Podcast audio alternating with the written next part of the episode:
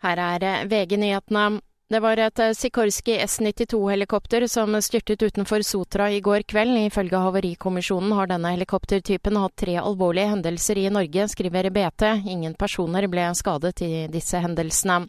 En person omkom i gårsdagens ulykke, fem personer er skadet. Minst 79 personer er blitt drept i Gaza i løpet av natten. Det hevder palestinske helsemyndigheter, som sier i en uttalelse at dødstallet nå har passert 30 000 siden 7. oktober. Tallene er ikke bekreftet av uavhengige kilder.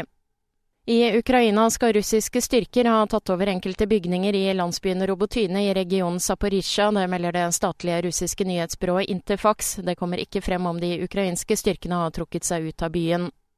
Det er eh, skuddårsdag i dag, noe som betyr at tusenvis av nordmenn kan få feire bursdagen sin på den faktiske dagen.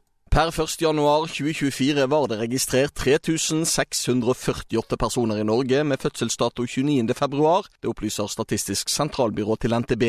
Og datoen er naturlig nok dagen da færrest nordmenn har fødselsdag. Reporter Thomas Alsaker. I studio Kristin Strand, nyhetene får du alltid på VG.